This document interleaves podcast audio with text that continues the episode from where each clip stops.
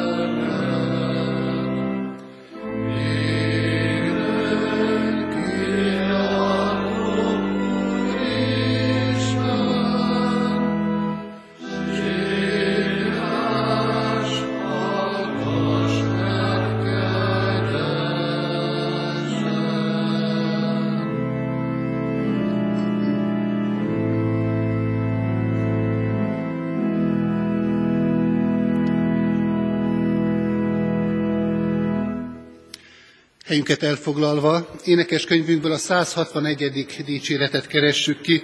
A 161. dicséretnek mind a hat énekversét énekeljük el. Az első vers így kezdődik, sies keresztény lelki jót hallani.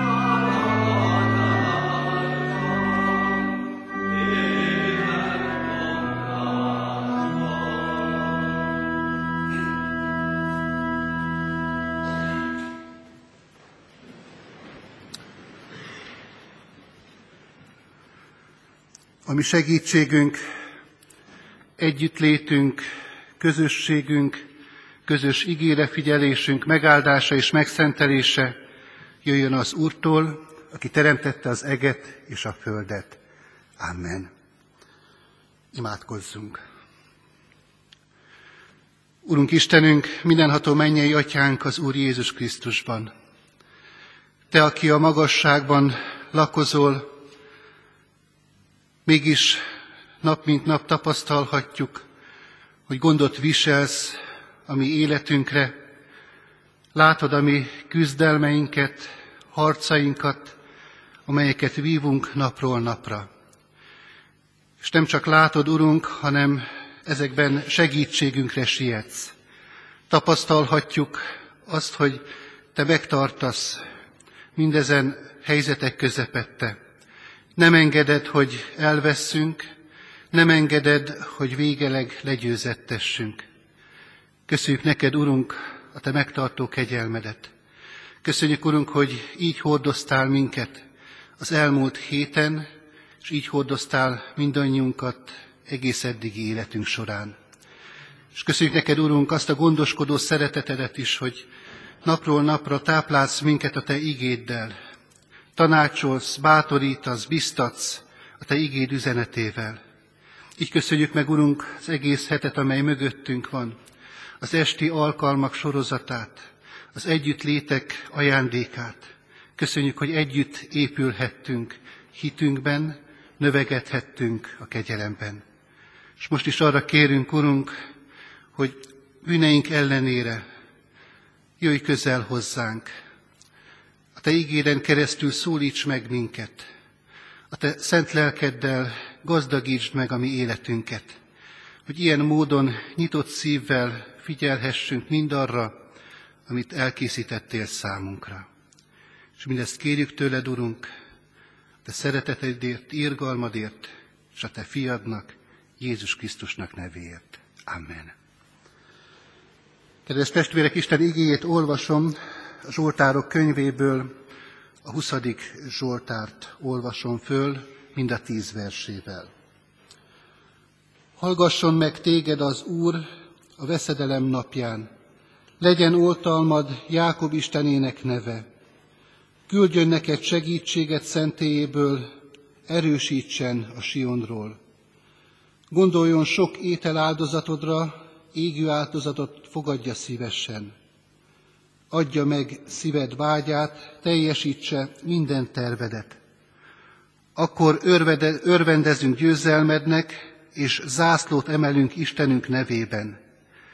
Teljesítse az Úr minden kérésedet. Jól tudom, hogy az Úr győzelmet ad felkentjének, felel neki szent egéből, győzelmes jobbjának hőstetteivel. Ezek a harci kocsikat, amazok a lovakat emlegetik dicsekedve, mi pedig Istenünknek, az Úrnak a nevét. Ők térdre rogynak és elesnek, mi pedig felkelünk és talpon maradunk. Uram, segítsd meg a királyt, hallgass meg minket, ha hozzád kiáltunk. Amen. Foglaljunk helyet, kedves testvérek, és nyitott szívvel hallgassuk a hirdetett ige üzenetét. Kedves testvérek, a Biblia egyik mindig időszerű üzenete számunkra így hangzik, nem test és vér ellen van tusakodásunk, hanem gonoszság lelkei, gonoszság erői ellen. De ugyanakkor a Biblia drága ajándéka az is számunkra, hogy nem csak figyelmeztet minket az igén keresztül, erre az állandó veszedelemre, arra a harci helyzetre, amelyben vagyunk napról napra, hanem ugyanakkor kimeríthetetlen, kincses tárként is van előttünk, sok-sok példát hozva elénk, arra nézve, hogy hogyan segíti meg az Úr mindazokat, akik benne bíznak, akik tőle kérik a segítséget, akik rá támaszkodhatnak. És éppen ezért ebben a harcban, amelyben részünk van napról napra, nem vagyunk egyedül, hanem bizonyosan számíthatunk a mi Urunknak segítségére e küzdelmekben. Kedves testvérek, egy ilyen vigasztaló lelkigondozó, erősítő, bátorító ige az, amit az imént felolvastam. A 20. Zsoltár arról tanúskodik, hogy Dávid király imádkozik, mielőtt csatába indult volna. Sőt, hogyha Zsoltár szövegét vizsgáljuk alaposabban, akkor az is kitűnik, hogy nem is egy személynek az imádságáról van itt szó ebben a 20. Zsoltárban, hanem többen is imádkoznak. És az is könnyen előfordulhat, a Biblia kutaták, kutatók próbálják ilyen módon rekonstruálni a 20. Zsoltár mögött lévő eseményeket, hogy hogy is volt ez, hogy amikor talán elment már a király a küzdelembe, a harcba, a csatába, akkor is ott a templomban voltak olyanok, akik szüntelenül, harc közben is imádkoztak a királyért, imádkoztak a győzelemért. Amint ebből a fölolvasott igerészből kiderül, Dávid imádsága ez, és a körülötte lévők könyörgése. És hát Dávidról tudhatjuk azt, hogy nem volt akárki a küzdelmeket illetően. Nagyon sok nehéz és veszélyes csatát vívott meg. Jól ismerjük azokat a történeteket, éppen a napi ige olvasása során az Ószövetség lapjait lapozva előttünk vannak ezek a történetek. De mégis Dávid fontosnak tartja, hogy mielőtt csatába indulna, előtte az Úr előtt kitárja a szívét, előtte az Úrtól kérjen segítséget és győzelmet. És mások is, amíg a csata folyik, addig is imádkoznak, mert jól tudják, Dáviddal együtt, hogy a csatát nem a fegyverek, nem a stratégia, nem a taktika dönti el, hanem csak egyedül az, hogy ad-e az Úr győzelmet. Megáldja-e Isten azt az erőfeszítést, amelyben Dávid és serege van. Nos hát ennek alázatos felismeréséből fakad ez az imádság, amelyet itt a 20. Zsoltárban olvashatunk. Kedves testvérek, nem is szeretnék további kortörténeti gondolatokat megosztani a jelenlévőkkel, mert azt gondolom, hogy mindannyiunk előtt egészen világos az üzenet. Isten népének, a hívő embereknek az életében a harc és az imádság összetartozik. Győzelem és az Úrban való reménység szétválaszthatatlan. Így is fogalmazhatjuk legfontosabb megállapításunkat a Zsoltár alapján, Isten népének harcai közepette imádkoznia kell. Kedves testvérek, erre a gondolatra koncentráljunk most Isten szent lelkének a segítségével, és próbáljuk ezt minél mélyebben megérteni.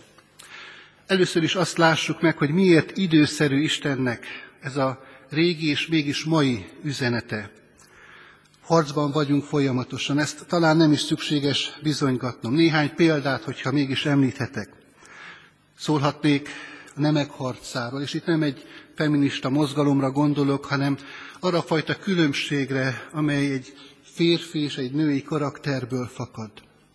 Hányszor és hányszor találkozunk ilyen nehézséggel és problémával, hogy pusztán ennél fogva, hogy az egyikünk egy házasságban férfi, a másik pedig nő, már is egymásnak feszül, mert nem vagyunk egyformák. Lehetne a generációk harcáról is hosszasan beszélni.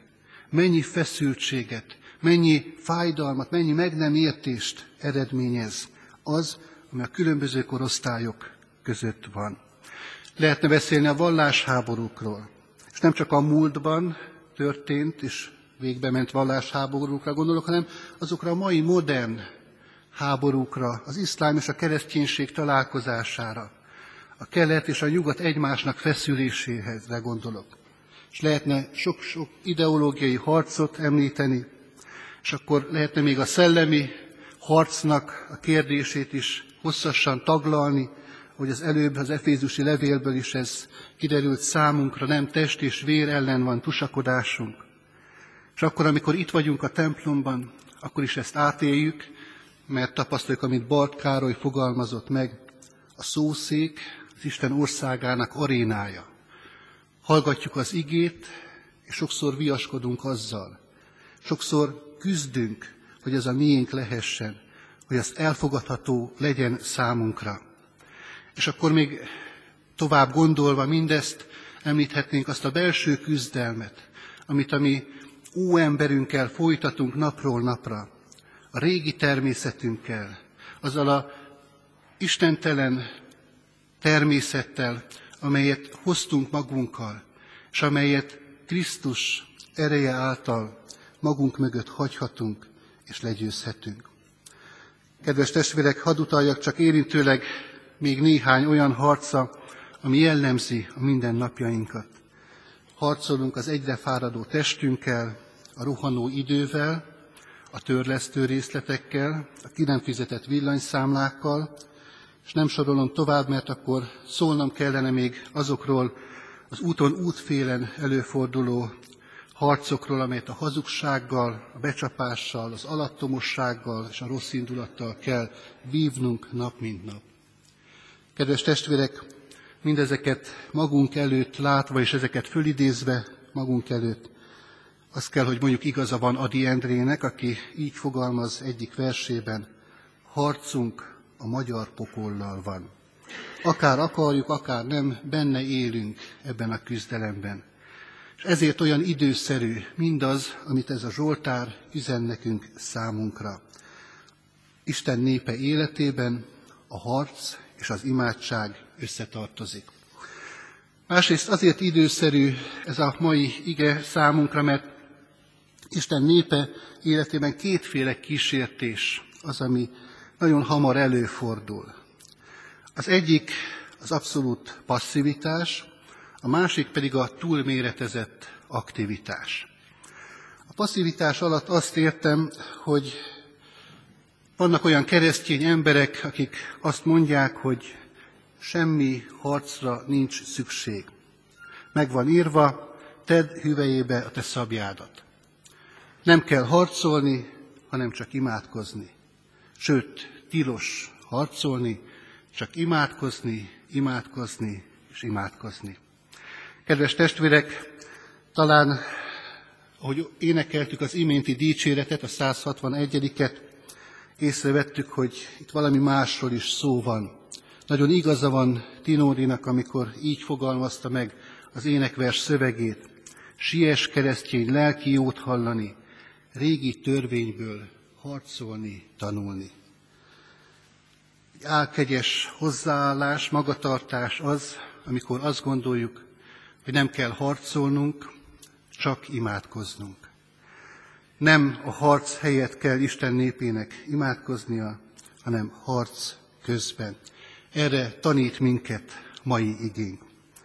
De ugyanakkor a másik végletet is fontos látnunk magunk előtt, mint veszélyforrást, a túlzott aktivitást. Mai modern embert ez különösképpen is fenyegeti. Mert állandóan pörgünk, állandóan benne vagyunk ezernyi dologban, és úgy érezzük, hogy az idő szorításában nincs lehetőség arra, hogy elcsendesedjünk, imádsággal a szívünkben Isten előtt megálljunk hanem csak küzdünk folyamatosan, vívjuk a mi magunk harcait. Talán sokan meg is fogalmazzák, hogy kiír rá manapság imádkozni. Próbáld meg az én életemben. Reggeltől estig harcban vagyok a gyerekekkel, harcban a szomszéddal, harcban a munkatársakkal, harcban a főnökkel. Hát kiír rá ilyen helyzetben, ilyen körülmények között imádkozni. Meghalni sincs időnk, szoktuk mondani, nem hogy imádkozni. Nos hát ebben a helyzetben szólít meg minket Isten igéje, és üzeni számunkra egyértelműen azt, hogy éppen ezért, mert sokféle küzdelem van a mi életünkben, szükséges erre koncentrálnunk, és legfőképpen erre időt szánnunk, hogy az Isten előtt elcsendesedve, ami ima életünket megerősítsük. Miért alatott győzelmet Dávid? Nagyon világos a felelet, kedves testvérek, mert rájött a titokra. Egyedül nem megy. Egyedül Istennel lehetséges a győzelem. Ha magára marad, a harcai közepette, akkor egyre inkább elerőtlenedik, gyengül napról napra. De hogyha az Urat segítségül hívja, akkor azt tapasztalja, hogy ha bár ő gyenge, mint picinke porszemnyi emberke, de mégis az Isten hatalmas ereje képessé teszi őt arra, hogy ereje fölött lévő feladatokat, harcokat vállaljon föl és vívjon meg. Kedves testvérek, így van ez ma is. Mai korunkban, és különösképpen az elmúlt napokban sokat hallani a hidegháború veszélyéről, ennek kiújulási lehetőségéről. Én pedig azt mondom, hogy nap mint nap benne vagyunk, nem a hidegháborúban, hanem az idegháborúban. És az idegeink olykor-olykor kezdik fölmondani a szolgálatot. Hogyan tudunk megállni ebben az idegháborúban? Hogyan tudunk talpon maradni? Úgy, hogyha imádkozunk, hogyha kérünk erőt ebben a helyzetben, kérünk onnét fölülről töltést a mi életünkben. Nem véletlen az, kedves testvérek, hogy ami református egyházunk irodalmát, hogyha vizsgáljuk, akkor évszázadokra visszatekintve azt kell megállapítsuk, hogy mindig voltak olyan ö, emberek egyrészt, másrészt az ő túllukból származóan olyan imádságos könyvek, melyek nemzedékeket segítettek át a nehéz időszakokon. Gondolhatunk Rádai Párra, gondolhatunk Szikszai Györgyre, Ravasz László imádságos könyvére, és sorolhatnánk. Református keresztény ember életéhez szervesen, elválaszthatatlanul hozzátartozik az imádságos könyv. Mert imádság nélkül nem lehet ezeket a harcokat győzelmesen megvívni.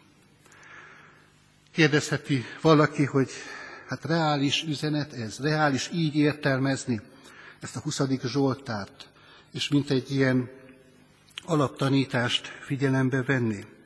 Nos hát néhány példát hadd mondjak arra nézve, egészen röviden, kedves testvérek, hogy mennyire igaz ez a tétel, amit most hangsúlyozunk.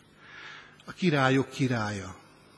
Az Úr Jézus Krisztus életéből veszem a példákat elsősorban. Jól ismert történet előttünk, amikor ott van az 5000 ember Jézus körül, és Jézus ebben a helyzetben nem küldi haza a sokasságot, hanem azt mondja a tanítványainak, hogy mi adunk nekik enni. Pontosabban szóval először a tanítványainak mondja ezt, hogy adjatok ti enni nekik.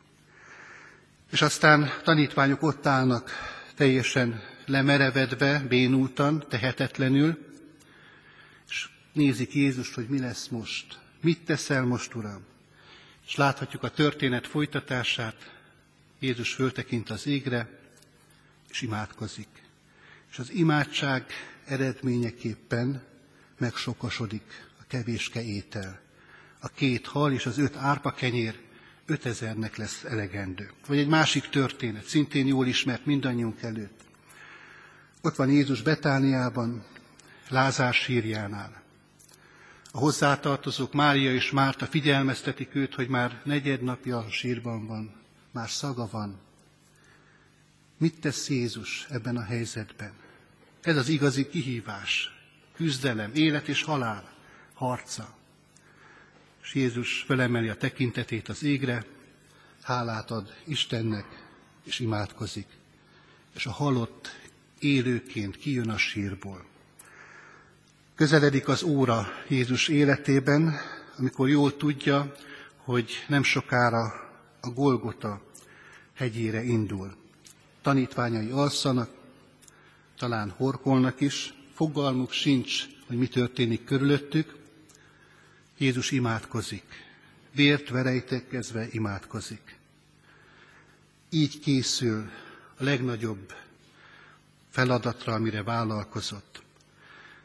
És aztán tovább gondolva a nagy hét eseményeit és a nagypéntek mozzanatait, ott vagyunk a keresztnél, ahol szintén azt látjuk, hogy Jézus imádkozik. Elvégeztetett hangzik ajkáról a győzelmi jelentés. És atyám, a te kezedbe teszem az én lelkemet, mondja el hitvallás szerűen az imádságot. Kedves testvérek, hogyha nem volna előttünk más példa, csak Jézus példáinak a sokassága, akkor is azt gondolom, hogy bátran mondhatnánk azt, amiről eddig szó volt, hogy a harc és az imádság szétválaszthatatlanul összetartozik. De hogyha arra gondolunk, hogy például Kálvin János életében mennyire meghatározó volt az imádság, akkor azt gondolom megint egy olyan példára találtunk, amely eligazíthat minket. 54 esztendőt élt Kálvin János. Sokféle nyomorúságtól megterheltetve, sokféle betegséggel küzdködve, feleségét nyolc évi házasság után eltemetve. Nem is értjük, hogy hogyan bírta ezt a sok nyomorúságot elviselni, és közben mindazt elvégezni, amit Isten rábízott. Az institúció megírása, sok-sok kommentár megírása, az az óriási levelezés, amit folytatott Európa előkelőivel, uralkodóival. Mindez belefért az életébe, mert imádkozó ember volt. Talán ismerős mindannyiunk előtt a történet, hogy halála után egy szőnyeget találtak a szegényesen berendezett szobájában, és úgy gondolták, hogy ezt talán pénzé lehetne tenni, de amikor alaposan megvizsgálták, akkor látták, hogy két nagy folt van a szőnyegen. Azon a szőnyegen térdelt le Kálvin János alkalomról alkalomra sokszor, hogy imádságban menjen, álljon Isten elé. Kedves testvérek, még reálisabban, még közelebb hozva magunk életéhez ezt a kérdést, azt lássuk meg, hogy sokan vannak olyanok, akik úgy gondolják, hogy én már nem imádkozom. El is ment a kedvem az imádságtól. Nem hiszek az imádság erejében. Most hát, kedves testvérek, ez a mai ige hirdetés éppen az ilyeneknek szól. Erre akar minket biztatni, bátorítani, és erre akar segíteni minket a 20. Zsoltár, hogy ha abba is hagytuk az imádságot az életünkben, akkor újra kezdjük el. Hogyha le is mondtunk már arról, hogy lehet ennek értelme, akkor újra fedezzük föl, hogy van értelme, sőt szükségszerű a mi életünkben. És természetesen szól ez az ige azoknak is, akik imádkoznak rendszeresen. Ebben szeretne minket megerősíteni a mi Urunk, hogy érdemes folytatni tovább, érdemes ezt a küzdelmet ilyen módon tovább folytatni. Néhány héttel ezelőtt itt a templomban, az egyik családi istentisztelet keretében egy több gyermekes fiatal édesanyja tett bizonyságot, és arról beszélt, hogy az életük során Isten nagyon nagy próbatétel alá helyezte őket, ugyanis a férje súlyosan megbetegedett, rákos lett. És hát természetesen egy hívő feleség mi más tehetne, mint imádkozik érte. És ez a, az édesanya, ez a fiatal asszony elmondta, hogy hogyan tapasztalta meg a csodát, hogyan gyógyult meg a férje, annak ellenére, hogy az orvosok lemondtak róla. Kedves testvérek, ma is van példa arra nézve, hogy megerősödjünk ebben a hitünkben, hogy van értelme a harc közben folytatott imádságnak. Adja Isten, hogy valóban megerősítsen minket a mi Urunk ezen a Zsoltáron, a 20. Zsoltáron keresztül is. És bizonyára nem véletlen az sem, hogy ezt a hetet úgy kezdtük, a hétfői nappal, hogy szintén az imádságról volt szó. És úgy fejezzük be a mai nappal, hogy az imádság a fő témája az ige hirdetésnek. Isten szeretne ezen a téren megerősíteni minket. Adja Isten, hogy megtörténhessen, és tudjuk kimondani hittel, reménységgel, Uram, segíts meg a királyt, hallgass meg minket, ha hozzád kiáltunk. Amen. Imádkozzunk. Urunk Istenünk, mindenható mennyei atyánk, Áldunk és magasztalunk téged, hogy úgy ismered az életünket, mintha itt lennél közöttünk, és itt is vagy köztünk, itt vagy velünk minden napon. Látsz mindent, hallasz mindent, és éppen ezért nyelvünkön sincs a szó, és te már egészen érted azt, Urunk. Áldunk és magasztalunk, Urunk, azért, hogy visszatekintve a mi életünkre, elmondhatjuk azt, hogy Te mindig többet adtál nekünk, mint amit mi el tudtunk neked dadogni a mi imádságainkban, amit kérésként meg tudtunk fogalmazni. Légy áldott, Urunk, a Te bőkezűségedért. Légy áldott a Te írgalmasságodért. Köszönjük, hogy most is rád bízhatjuk egészen a mi életünket, és a mi küzdelmeinket különösképpen is. És tesszük ezt, Urunk, abban a reménységben, ahogyan Dávid is kiáltott hozzád, szüntelenül könyörgött te előtted, és így visszük oda, Urunk, elé a öregeket, a betegeket, az elhagyottakat, oda tesszük a szegényeket, akik küzdenek a fillérekért, akik nehézség közepette érik az életüket. Könyörgünk, Urunk, ezért a gyülekezetért, Te áld meg a mi közösségünket, hogy minél több imádságos lélek könyörögve a Te áldásodért, azokért a küzdelmekért, amelyek közöttünk is folynak, győzelmet tapasztalhassunk, élhessünk át. És Urunk, kérünk Téged, hogy készíts minket a veled való különös találkozásra is, az úrvacsorai közösségre, amelyre készülünk, és amely adatik számunkra, hogyha éltetsz minket a holnapi nap folyamán. Hadd legyünk egészen készen, Urunk, arra, hogy Te eléd vigyük minden botlásunkat, minden terhünket, minden rossz döntésünket, minden bűnünket, és mindent, ami terheli a mi szívünket.